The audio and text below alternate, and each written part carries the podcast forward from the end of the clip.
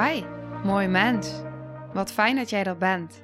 Mijn naam is Sandy en ik geloof in een wereld waarin iedereen zijn liefdevolle zelf mag zijn.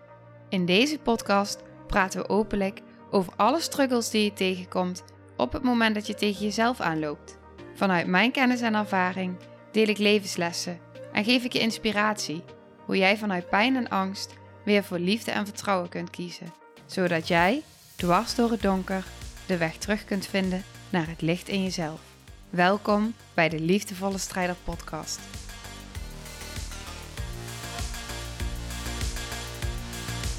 Goedemorgen. Dag lieve jij. Ik zeg goedemorgen. Ik weet natuurlijk helemaal niet wanneer jij luistert. Dan ga je even, voordat ik deze aflevering, voor ik de diepte inga, ga ik je even meenemen in hoe ik er nu bij zit. En in mijn mind. Want het is dus midden in de nacht.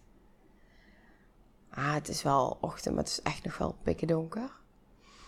En waarom ik nu deze podcast aan het opnemen ben, ik ehm, ben het niet meer gewend, mijn lijf is het niet meer gewend om heel veel uur achter elkaar te slapen. En ik had dus vijf uur achter elkaar kunnen slapen. En toen werd mijn zoontje wakker om te drinken. En vervolgens viel hij drinkend in slaap aan mijn borst. En ik dacht: oké, wakker. Wat ga ik doen? en ik zei tegen mezelf: nee, Sandy, het is tijd om nog even te slapen. Want het is midden in de nacht. En je hebt vandaag en morgen lesdagen. Dus ga nog maar even slapen. Maar mijn lichaam dacht: wakker. Dus ik ging het allerverkeerdste doen wat ik echt niet moet doen op het moment dat ik wakker was s'nachts. Heel vaak zet ik mijn telefoon op vliegtuigstand. Geen afleiding, geen prikkels, geen mogelijkheid om even te checken. Nu dus in de valkuil gestapt om wel even te checken. En wat zag ik? Ik zag iemand die vraagt om meer informatie betreft het retreat in Spanje. Dus dat was wegslaap, klaar wakker. ik sta aan. Nou, dat. En uh, wat er ook al mooi over is om te delen. Ik, het is nog niet zeker dat het retreat in juni gaat plaatsvinden. Misschien gaat het verplaatst worden naar Spanje. Uh, naar Spanje. Sandy, goedemorgen.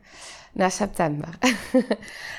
um, dat komt namelijk omdat er meerdere mensen zijn die interesse hebben waarvoor september wel een optie was en juni niet. Dus nu is het zo half-half. Dus er zijn mensen, uh, er is één iemand die zich definitief heeft aangemeld voor juni. Er zijn mensen met interesse.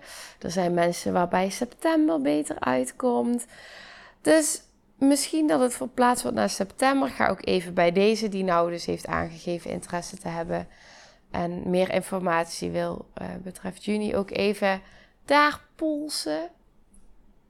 Hoe het voor haar is, eventueel september. Dus het ligt allemaal zo een beetje open.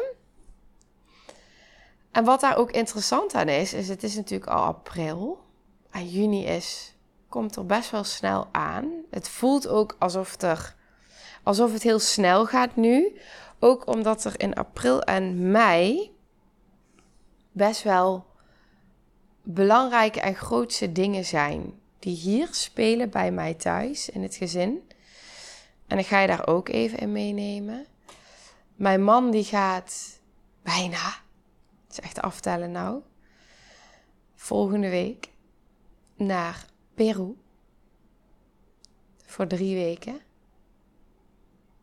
En uh, hij gaat daar, daar ga ik nog wel meer over delen. Misschien dat als hij terugkomt, dat we samen, als hij die voelt zelf, dat wil hij in het moment voelen. Ik heb het al aan hem gevraagd. maar hij wil in het moment voelen. Misschien dat we een podcastaflevering gaan opnemen over zijn tijd in de jungle. Hij gaat namelijk voor drie weken een dieta doen. Waar hij verschillende plantmedicijnen ceremonies ingaat. En vooral ook heel veel de stilte in zijn met zichzelf en zijn innerlijke processen. Ja, dus dat, uh, dat is spannend. En in de drie weken, bijna drie weken dat hij weg is, heb ik de eerste anderhalve week best wel veel lesdagen en werk ik nog tussendoor. Dus voelt voor mij ook als drukte. Maar wel oké. maar wel drukte. En dan heb ik de laatste, ja, bijna anderhalve week ook, heb ik echt uh, vrij samen met mijn zoon. Om echt samen met hem te zijn. Om gewoon samen te zijn. Vooral dat. Ja. Dus, uh, dus dat komt eraan. En dan in mei, dan gaan we ook, ben ik ook een week vrij. Omdat mijn man een behandeling gaat doen die ik in Amerika heb gedaan voor niet aangeboren hersenletsel. Als je dus een hersenschudding hebt of een whiplash en blijvende klachten blijft houden. En mijn man ervaart nu wat ik toen ervaarde, dat de klachten niet minder worden, maar dat de klachten toenemen. En dat is wat ik ook had na het ongeluk in 2018. De klachten verergerden en verergerden en verergerden. En dat is wat bij hem ook uh, is gebeurd de afgelopen periode. En het ongeluk wat we dus hebben gehad in december, naar aanleiding daarvan. Ja, wat maakt dat we dus ervoor hebben gekozen om uh, dat hij eigenlijk een soortgelijke behandeling wil ondergaan als ik heb gedaan. En die is nu dus ook in uh, Nederland opgezet door ervaringsdeskundige dames die het zelf hebben ondergaan, ook in Amerika. En we hebben contact met hun gehad en dat voelde super goed. Dus dat is ook wat er in mij gaat zijn. En, en ik en Noah gaan met Bram mee. Zodat we er ook voor hem kunnen zijn. Ik wil hem graag wegbrengen, ophalen. Als hij lunchpauze heeft, dan uh, mogen we daar met hem lunchen. Dus dat voelt heel goed. Om hem ook daarin te ondersteunen. Want ik weet hoe intensief zo'n uh, week is. Ik weet natuurlijk als geen ander waar die doorheen gaat. Ja. Dus het is fijn om er zo voor hem te kunnen zijn. Nou goed, terug naar nu. Het is dus. Uh... Ja, en in het verlengde daarvan wou ik dus nog benoemen dat het dan dus ook, mocht het zo zijn, dat het retreat dat het uiteindelijk september wordt. Weet je, het is voor mij allebei oké. Dus ik voel daar ook in een hele, en dat is fijn, een onthechting in en een rust in van oké, het komt op het juiste moment. En als het dus zo loopt dat het voor meerdere mensen uitkomt en fijn is dat het september is, dan is dat voor mij helemaal oké en helemaal prima. Omdat ik daarin ook voel van oké, dan is er dus nog meer uh, aanloop naar september. Uh, ook met alles wat er nu speelt. En is het wel in juni, is het ook oké omdat ik weet wie ik ben. En omdat ik altijd juist in het moment daar aanwezig ben en kan zijn. Dus wanneer het dan ook is, als het in mijn agenda gepland is, op het moment dat het is, I'm here. Ik ben er. en ik voel en ik stem af. En bij mij procest het wel door. In die aanloop daar naartoe. Het procest wel, het floot wel.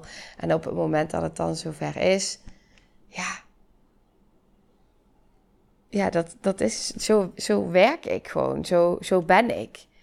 Ik ben gewoon dan helemaal aanwezig in wat er dan is. Dus op het moment dat ik anderhalve week vrij ben met mijn zoontje, is dat alles wat er is. Op het moment dat ik op een lesdag ben, is dat alles wat er is. Op het moment dat ik een retreatdag organiseer of dat ik in een sessie ben, dan ben ik in dat moment, in het nu. Ik ben aanwezig, ik ben present. I am. En dat is zo fijn. En dan kies ik er dus bewust voor. Hè, om laatst ook, laatst zei iemand tegen mij: Ja, ik had je gebeld. Ja, sorry, maar mijn telefoon ligt bewust niet in de ruimte waar ik ben, zodat ik niet afgeleid word, maar dat ik ben. Dat ik als ik met mijn zoontje ben, dat ik ben. Want als ik die telefoon continu om me heen heb, op me heb, bij me heb, word ik afgeleid. Word ik uit het nu gehaald. En als ik dan dus bezig ben met een retreatdag of met een sessie of met een heel retreatweek of met mijn zoontje, um, ja, dan, dan is het dus kiezen. En dan wil ik aanwezig zijn.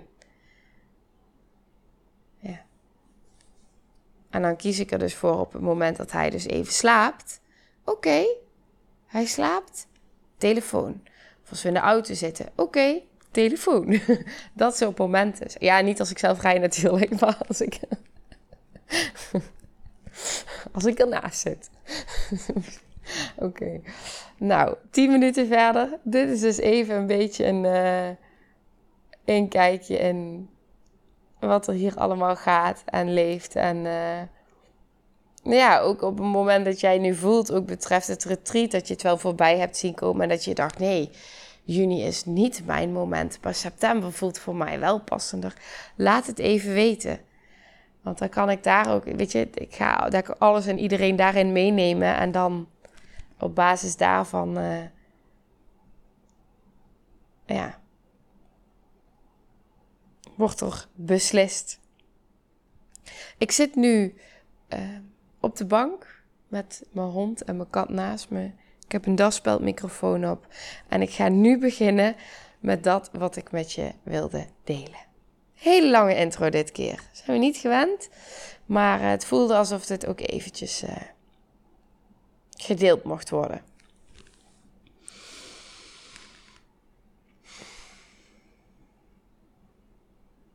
Oké. Waar ik het vandaag met je over wil hebben. Ik zag iets voorbij komen. En die vond ik interessant om met je te delen. Ik heb het namelijk heel vaak over vechten, vluchten, bevriezen. Ik noem de woorden dissociatie. En ik zag iets voorbij komen wat ik ook heel vaak met je deel. En toen ik het las, toen dacht ik, ja, inderdaad, dit is ook echt een reactie die vergelijkbaar is met vechten, vluchten en bevriezen. Ik heb hem alleen zelf nog nooit in datzelfde rijtje gezet. Wel onbewust, doordat ik hem heel vaak zo benoem en uitspreek. En altijd ook aangeef van dit is een reactie om te overleven. Dus ik heb hem letterlijk zo benoemd. Maar dat ik hem tussen de vechten, vluchten en bevriezen plaats. Niet bewust. En ik las hem en toen dacht ik, hé, hey, en nu wordt hij bewust. Dus ik ga hem met je delen. Hij heeft ook een naam. Ik noem heel vaak het pleasen. Wegbewegen bij jezelf. Jezelf opofferen. Er zijn voor de ander ten koste van jezelf. Pleasen. Maar het heeft dus ook echt, net als de fight, flight, freeze modus, heeft het ook een naam. En die had ik nog nooit gezien. En die wil ik nu met je delen de fawning-modus, de please-modus. En wat ik met je wil gaan delen in deze aflevering is eigenlijk wil ik even die modussen, alle vier, met je doornemen. Wat de reacties zijn, zowel lichamelijk als emotioneel, als vanuit het gedrag. Waardoor je ze nog beter en jezelf kan gaan herkennen. Oké, als je het dus hebt over de please-modus, dan is dus wat je dus emotioneel voelt, is dus dat je heel erg overweldigd wordt. en dat die patronen die ik net dus eigenlijk al benoemde, dat die heel erg naar boven gaan komen. En dat heeft dan eigenlijk ook weer te maken met je gedrag. Ehm, dus waar je heel erg jezelf gaat opofferen en weg gaat bewegen van jezelf, ehm, heeft dat dus in je gedrag te maken met eigen grenzen niet kennen, niet voelen, niet aangeven. Uh, dus ook je eigen behoeften niet kennen daarin. En geen of een heel laag zelfbeeld hebben.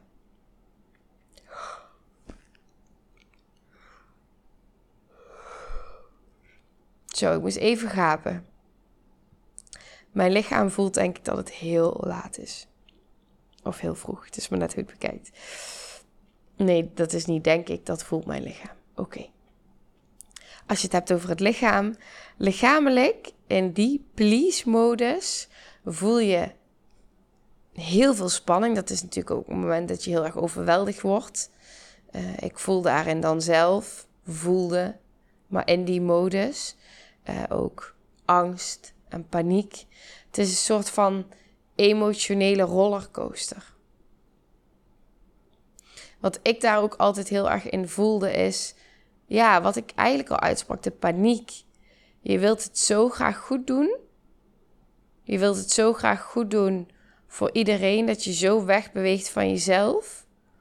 En dat je daarin dan dus ook, als je dat heel vaak doet, als je heel gewend bent om in die modus te zijn, wat ik op een gegeven moment ging merken, is dat ik dus zo graag wilde pleasen en niet mijn eigen grenzen kende, niet mijn eigen behoeften kende, zo'n laag zelfbeeld, dat ik merkte dat op een gegeven moment in die overweldiging, in die angst, in die rollercoaster ook mijn paniek steeds meer ging toenemen. Omdat ik iedereen wilde pleasen en niet meer wist hoe ik het voor iedereen goed kon doen. En op een gegeven moment ging merken, verderop in mijn leven, dat ik het niet voor iedereen goed kon doen. Maar die modus waar ik in zat, het pleasen, ja, dat ik, dat ik niet anders kon dan dat doen. En als je dan merkt dat je niet aan iedereen kan voldoen, dan kom je dus in een andere modus terecht. De bevries, in mijn geval. Ik kwam in de bevries. Ik kon geen keuzes meer maken. Ik ging deel te twijfelen. Mijn hoofd leek wel alsof die. Ja. Hoe leg je die uit? ja, mijn hoofd.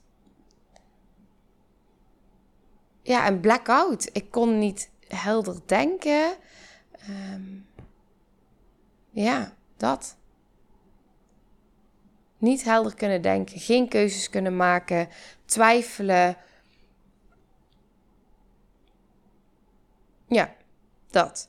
En emotioneel was ik dan niet aanwezig tunde ik uit, dissocieerde ik. En uh, was er geen gevoel meer en kon ik ook niet meer in contact zijn met mijn lichaam of met mijn gevoel. Dus vanuit die overweldiging en die paniek en die angst en geen grenzen kunnen voelen, uh, kwam ik in de bevriesmodus. En dat is uittunen, dissociëren, niet aanwezig zijn, het niet meer weten ja, letterlijk het uitchecken. En dan merk je dus ook dat niet die keuze kunnen maken, twijfelen. Ja, je bevriest, je verstart, je weet het niet meer.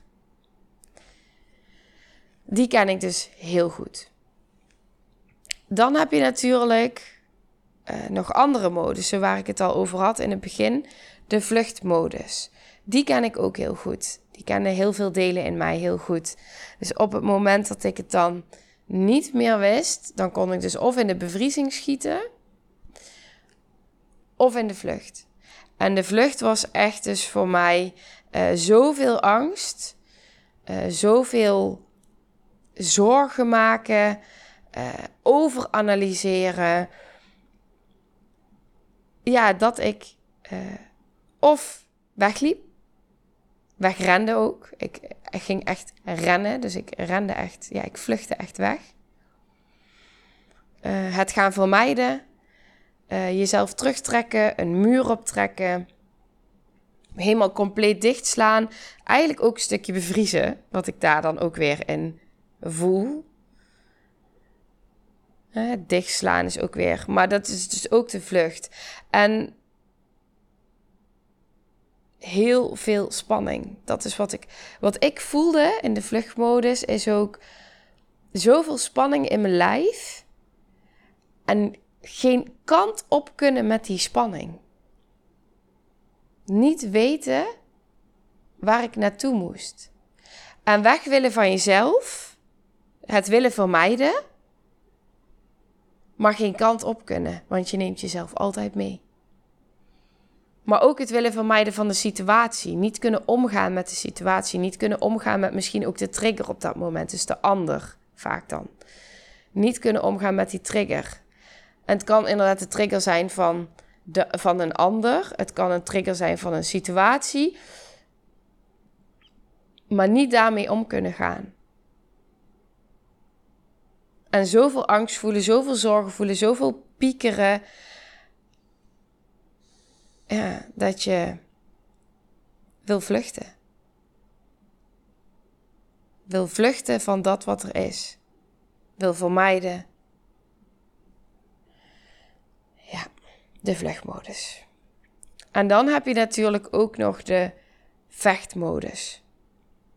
Ja, de vechtmodus die je kan herkennen in dat iemand gaat schreeuwen, dat je ruzie hebt met je partner, dat je controle wil gaan zoeken. Dat je misschien met deuren gaat gooien. Dat je echt klaar staat. Ik zit nu met, met is heel grappig, hè? ik zit nu met mijn handen al ge, gevuist. Met, ik weet even niet hoe ik het moet verwoorden. Gebalde vuisten. Um, omdat dat is wat er gebeurt. Hè? Ik merk ook gelijk dat op het moment dat ik daarover deel, als je het dan hebt over hoe je, hoe je lichaam reageert, dat is dat, dat pijnkind, hè, die staat daar dan met gebalde vuisten klaar om in die aanval te gaan. Dus je voelt die adrenaline stromen door je lijf, die hartslag schiet omhoog. Ja, dan kom je dus echt in die vechtmodus.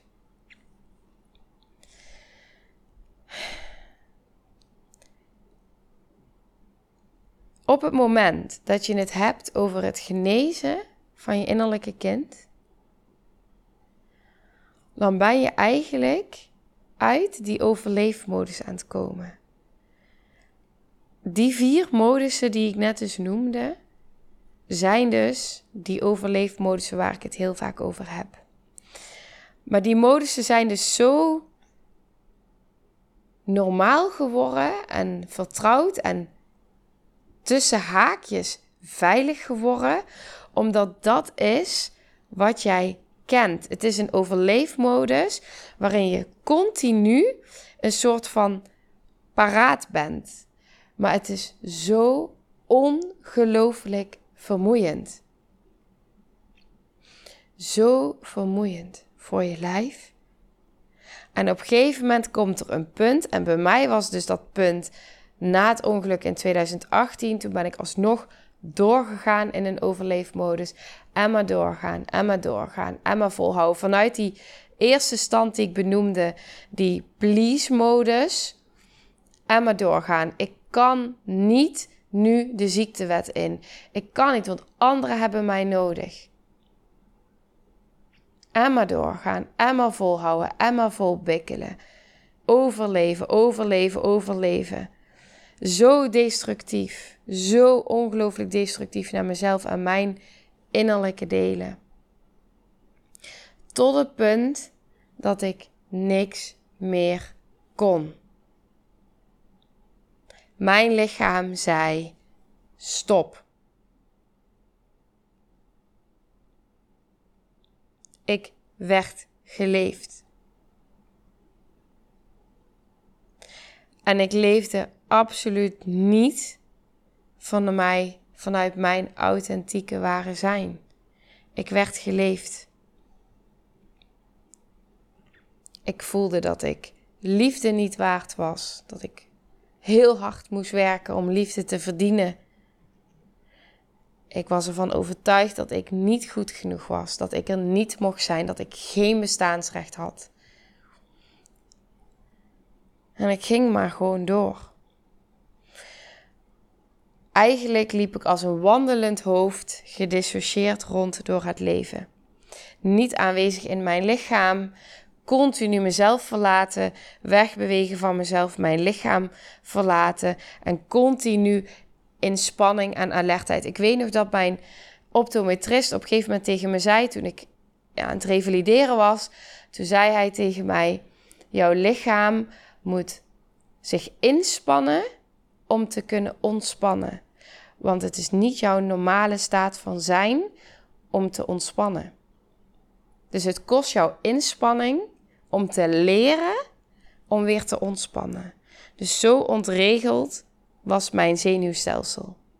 En dat maakt dus ook, omdat ik dus zo ontregeld was, in de overleefstand zat, in al die verschillende standen die ik net benoemde, was ik maar aan het vluchten en gedissocieerd en aan het vechten. Ik vocht tegen mezelf. Dus op het moment dat ik in die vechtstand kwam, dan ging ik ook mezelf pijn doen.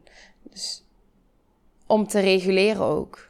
Ik wist niet hoe ik moest reguleren. Ik was zo ontregeld. Ik wist niet hoe ik mezelf rustig moest krijgen. Dus door mezelf pijn te doen, kon ik mezelf kalmeren. En werd ik rustig. Continu in die alerte modus zijn. Dus die amygdala, waar ik ook laatst in een aflevering over deelde, die continu maar op rood stond en aanstond en paniek, ja, op paniek sloeg, zeg maar, op alles. Continu bedreigingen ervaren. Continu, ja, mezelf uitputten. Zo ongelooflijk uitgeput zijn. En pas op het moment dat ik dus niet dieper kon gaan, omdat mijn lichaam nee zei, omdat mijn lichaam stop zei, daar begon ik te ontwaken. Daar maakte ik de keuze. Ik wil van mezelf gaan houden. Het wordt tijd dat dit verandert. Ik wil dit niet meer. En toen begon ik. Toen begon ik pas voor het eerst te voelen en te luisteren naar dat wat mijn innerlijke wereld mij vertelde. En wilde vertellen. En toen pas kon ik gaan voelen van hé, hey, maar ik weet helemaal niet wat ik voel in mijn lichaam. Ik ging pas toen ik in de ziektewet was voelen hoe overprikkeld ik eigenlijk was. Hoeveel oorzuizen ik eigenlijk had. Hoeveel pijn er eigenlijk in mijn lijf was. Ik voelde het wel, maar ik, ik onderdrukte het met paracetamol en ik rende maar door. Maar die pijn die werd erger en erger en erger en erger. En pas toen ik echt kon gaan voelen, besefte ik pas hoeveel pijn er overal in mijn lijf zat. Want in de tijd dat ik doorrende voelde ik het vooral in mijn hoofd en in mijn nek en in mijn schouders. Maar pas toen ik echt, echt kon gaan voelen in mijn lijf, besefte ik dat de pijn door mijn hele lijf zat. Mijn heupen, mijn onderrug, mijn benen, mijn kuiten, alles. Mijn armen, alles, overal.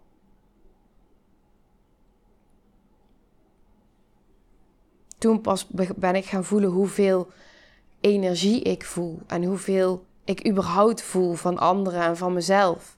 Ben ik pas gaan voelen van wat voel ik nu van mezelf en wat is van de ander. Wat heb ik nodig? Vragen die ik mezelf nooit had gesteld. Want ik dacht alleen maar, wat heeft die ander nodig? Wat kan ik doen? Jij, jij, jij vraagt, ik geef. Als jij maar gelukkig bent. En pas toen ik kon gaan voelen van, hé maar wat heb ik nu nodig? Dat ik die vraag aan mezelf durfde te gaan stellen van, hé maar wat heb ik nu nodig? Wat wil ik nu eigenlijk? Wie ben ik? Wie wil ik zijn? Doordat ik niet dieper kon zakken, doordat mijn lichaam nee zei. Ik lag aan die grond, ik lag in het donker. Dankzij het feit dat mijn lichaam nee zei. En toen kreeg ik een keuze. En toen besefte ik, ik wil het anders voor mezelf. En dat was de, misschien wel de eerste keer dat ik echt voor mezelf koos.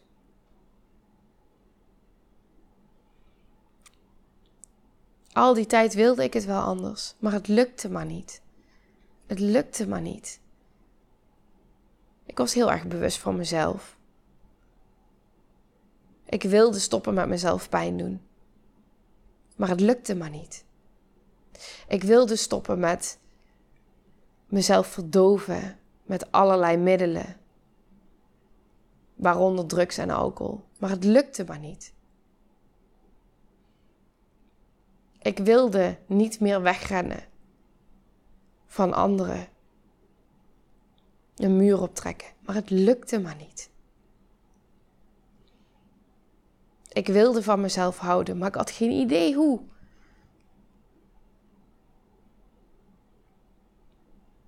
Ik wist niet waar ik moest beginnen, want het was zoveel. Het was zoveel.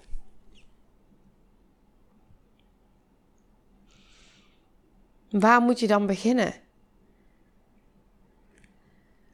En ik wilde het allemaal alleen doen en ik schaamde me, dus ik ging er ook met niemand over praten. Ik zocht alleen maar naar verlichting, want het deed zoveel pijn. Verlichting om die pijn maar te dempen. Op de momenten dat ik drugs had gebruikt of alcohol, dan ineens was er een laagje weg. Dus dan was er minder schaamte en kon ik er opener over praten met anderen. Wat zorgde voor heel veel verbinding met anderen die zich dus ook bleken te herkennen in bepaalde stukken van mij. En ineens was er ruimte om wel te durven spreken. En werd die pijn verlicht. Dus wat ga je doen? Je gaat dat herhalen. Alles wat je pijn verlicht, ga je herhalen. Mezelf pijn doen omdat het verlichtte. Dus je gaat het herhalen. Maar uiteindelijk zijn het allemaal dingen die destructief zijn.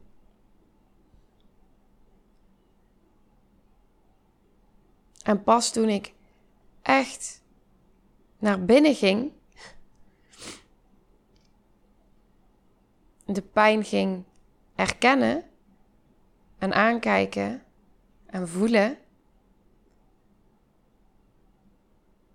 veranderde alles.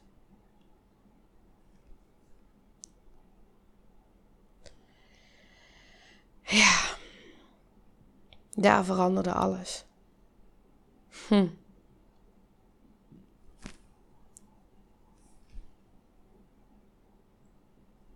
Alles in mij en alles om mij heen.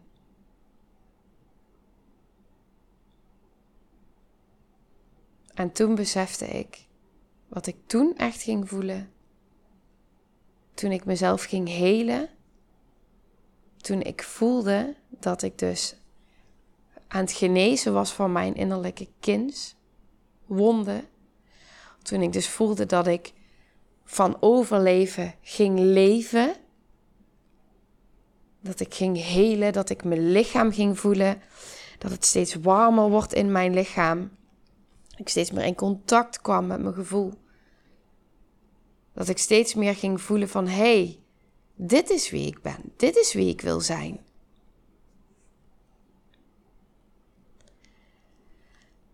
Toen ben ik gaan voelen. Ontwikkeling gaat in fases. En wat ik dus ben gaan merken, is dus hoe sterker de verbinding met mezelf werd, hoe meer het oké werd als een contact met de buitenwereld anders werd dus hoe sterker mijn verbinding met mijn innerlijke wereld werd en hoe sterker mijn heling werd, hoe meer ik ook voelde, ik wil er voor mezelf zijn en voor mijn diepere delen.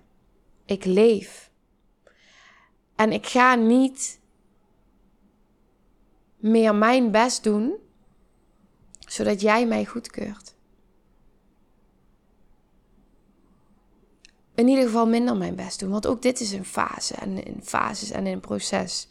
Ja, ik ga niet minder zweverig zijn, omdat anderen me dan een wappie vinden. Of omdat ze me raar vinden. Of, of wat voor woorden je er ook aan kan geven. Ik ga niet minder zweverig zijn. Want ik voel me meer gegrond in mijn lijf en meer mezelf en meer vol liefde en meer krachtig dan dat ik ooit ben geweest. Ik leef, ik ben. Dus ik ga niet mezelf anders meer voordoen. Ik ben mega gevoelig en sensitief. Ik ervaar de wereld heel anders dan velen om me heen. En het is oké. Het is oké. Want ik accepteer mijzelf. In alles wat er is.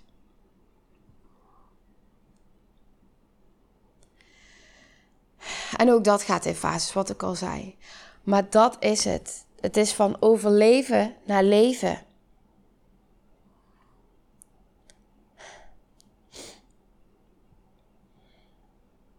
Ja. Het is uit het donker, het, uit het donkerste van het donkerste van het donkerste komen, om in je licht te stappen. En jezelf te laten zien aan anderen vanuit verbinding met jezelf, hier ben ik.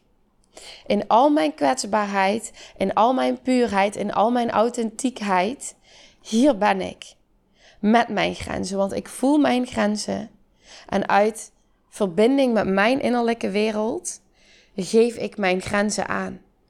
En kies ik ervoor om niet meer over mijn grenzen heen te gaan. Omdat ik voel wat ik nodig heb. En dus is dat waar ik aan dien. Vanuit het trouw zijn aan mezelf. Het is zo'n proces waar ik de afgelopen weken in heb gezeten. Het trouw zijn aan mezelf. Het trouw zijn aan mijn meest kwetsbare delen. Ongeacht wat dat betekent voor de ander. En dat doet heel veel. Dat werkt door in alles in je leven. En dan is het ook de keuze maken vanuit die gezonde delen, vanuit die verbinding met jou. Vanuit heling. Het is vanuit heling. Het zijn zo'n ongelooflijke helende bewegingen aan jezelf. En wat ik dus voel, is. Ja, daar heb ik al over gedeeld. Dan voel ik dus ook echt dat als ik dan die beweging maak vanuit die gezonde delen in mezelf, vanuit de kwetsbare delen in mezelf, dus vanuit verbinding met mezelf, vanuit trouw zijn aan mezelf, dan is hij zo helend en voelt hij zo helend. En dan maakt het niet meer uit wat anderen daarvan vinden. Tuurlijk raakt het op het moment dat ze het niet accepteren. Tuurlijk raakt het als je wordt afgewezen. Tuurlijk raakt het. Maar omdat je zo trouw bent aan jezelf en zo in verbinding bent met jezelf. En het niet doet vanuit overleven, maar vanuit leven, vanuit zijn, vanuit afstemming.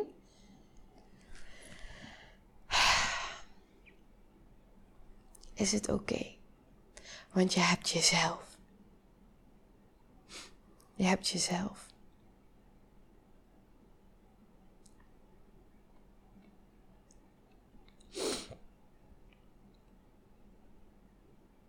Ja, je hebt jezelf.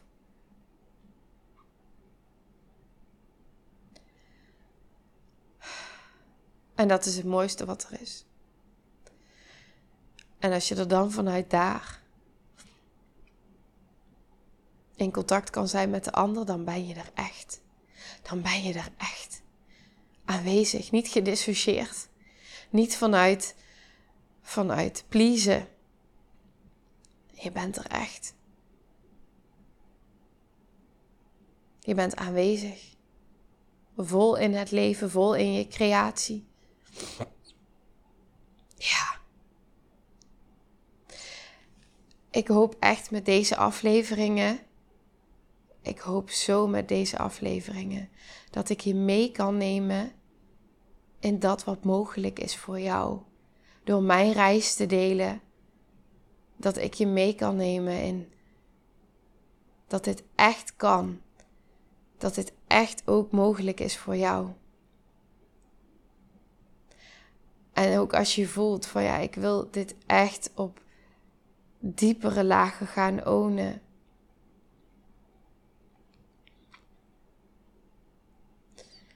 Dan gun ik je echt oprecht dat je dit niet alleen hoeft te doen.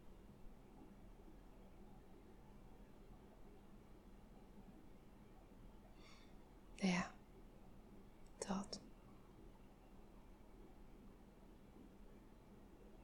Hm. Het wordt heel stil in mij nou.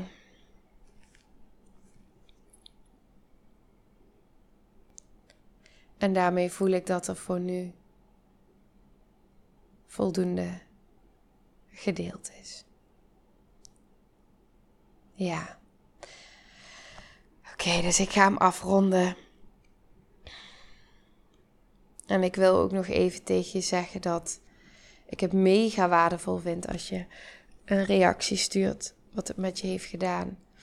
En als je nu voelt van uh, daar waar ik nu sta, van hé, hey, ik wil dit echt ook op diepere lagen.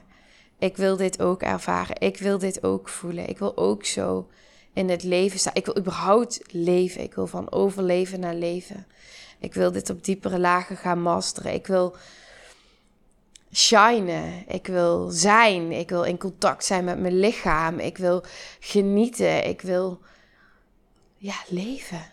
Ik wil voelen dat ik leef. Ik wil voelen dat ik ertoe doe dat ik er mag zijn. Ik wil voelen waar mijn grenzen liggen. Ik wil kiezen voor mezelf. Ja, echt. Ja, echt oprecht. Vanuit het diepste van mijn hart, vanuit het diepste van mijn wezen. Rijk uit. En ik neem contact met me om. En ik voel graag met je mee wat echt voor jou past. Ik bied zoveel verschillende dingen aan waarin we samen naar die diepere lagen kunnen, waarin we samen naar de, ja, in contact kunnen zijn en in verbinding kunnen zijn met jou en die delen van jou die door jou gezien, gehoord en erkend willen voelen. Ja. Dan volg ik, ja, volg ik, ja, echt, ik voel echt graag met je mee. Echt oprecht. Ik voel, en ik ben, ehm, ik ben niet iemand die je iets aan zou willen praten of die op dat moment dat je naar me uitreikt. Uh, ik zal echt eerlijk en oprecht met je meevoelen van hé, hey, wat past voor jou? En ben ik dat? Of misschien komt er wel iets anders in me op wat voor jou kan dienen, wat voor jou kan helpen. En dan zal ik dat ook benoemen. Ik voel graag met jou mee voor jou. Ja. En ik heb het ook al eerder gedeeld, ook betreft hè, het retreat in Spanje. Of een retreatdag of mijn online programma. Dat wat ik aanbied. Ik voel heel erg mee van is dit voor jou en is dit nu voor jou? Omdat ik ook voel dat ik op het moment dat jij instapt, op het moment dat ik een groep samenstel die meegaat naar Spanje, dan wil ik ook dat die klopt, dat die resoneert, dat, die, dat, het, dat ik kan voelen bij jou van ja, dit is voor jou. Want dan is het ook zuiver en dan is het ook afgestemd. En dat is wie ik ben, waar ik wil zijn en ook vanuit waar ik werk met je. Oké. Dus die wou ik nog wel even benoemen. En ik vind het super tof. Ik zie steeds vaker dat uh, mensen uh, sterren aangeven, reviews aangeven in Spotify. Dus heel welkom als je dat voor me wil doen. Nou, dan ga ik hem nu afronden met heel veel liefde.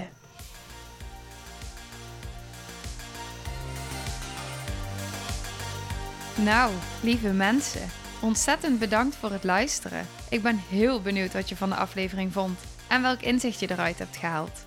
Mocht je nog vragen hebben of is er een onderwerp waar je meer over wilt weten, laat het me dan weten. En wie weet neem ik het mee in een van de volgende afleveringen. Als je het leuk vindt, kun je de aflevering delen of maak een screenshot en tag me op Instagram. Want ik vind het echt super tof om te zien wie er luistert.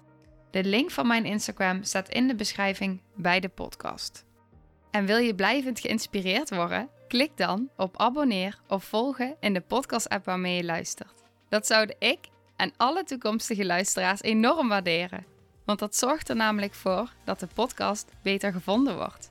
Nogmaals, dankjewel voor het luisteren en heel graag tot de volgende aflevering.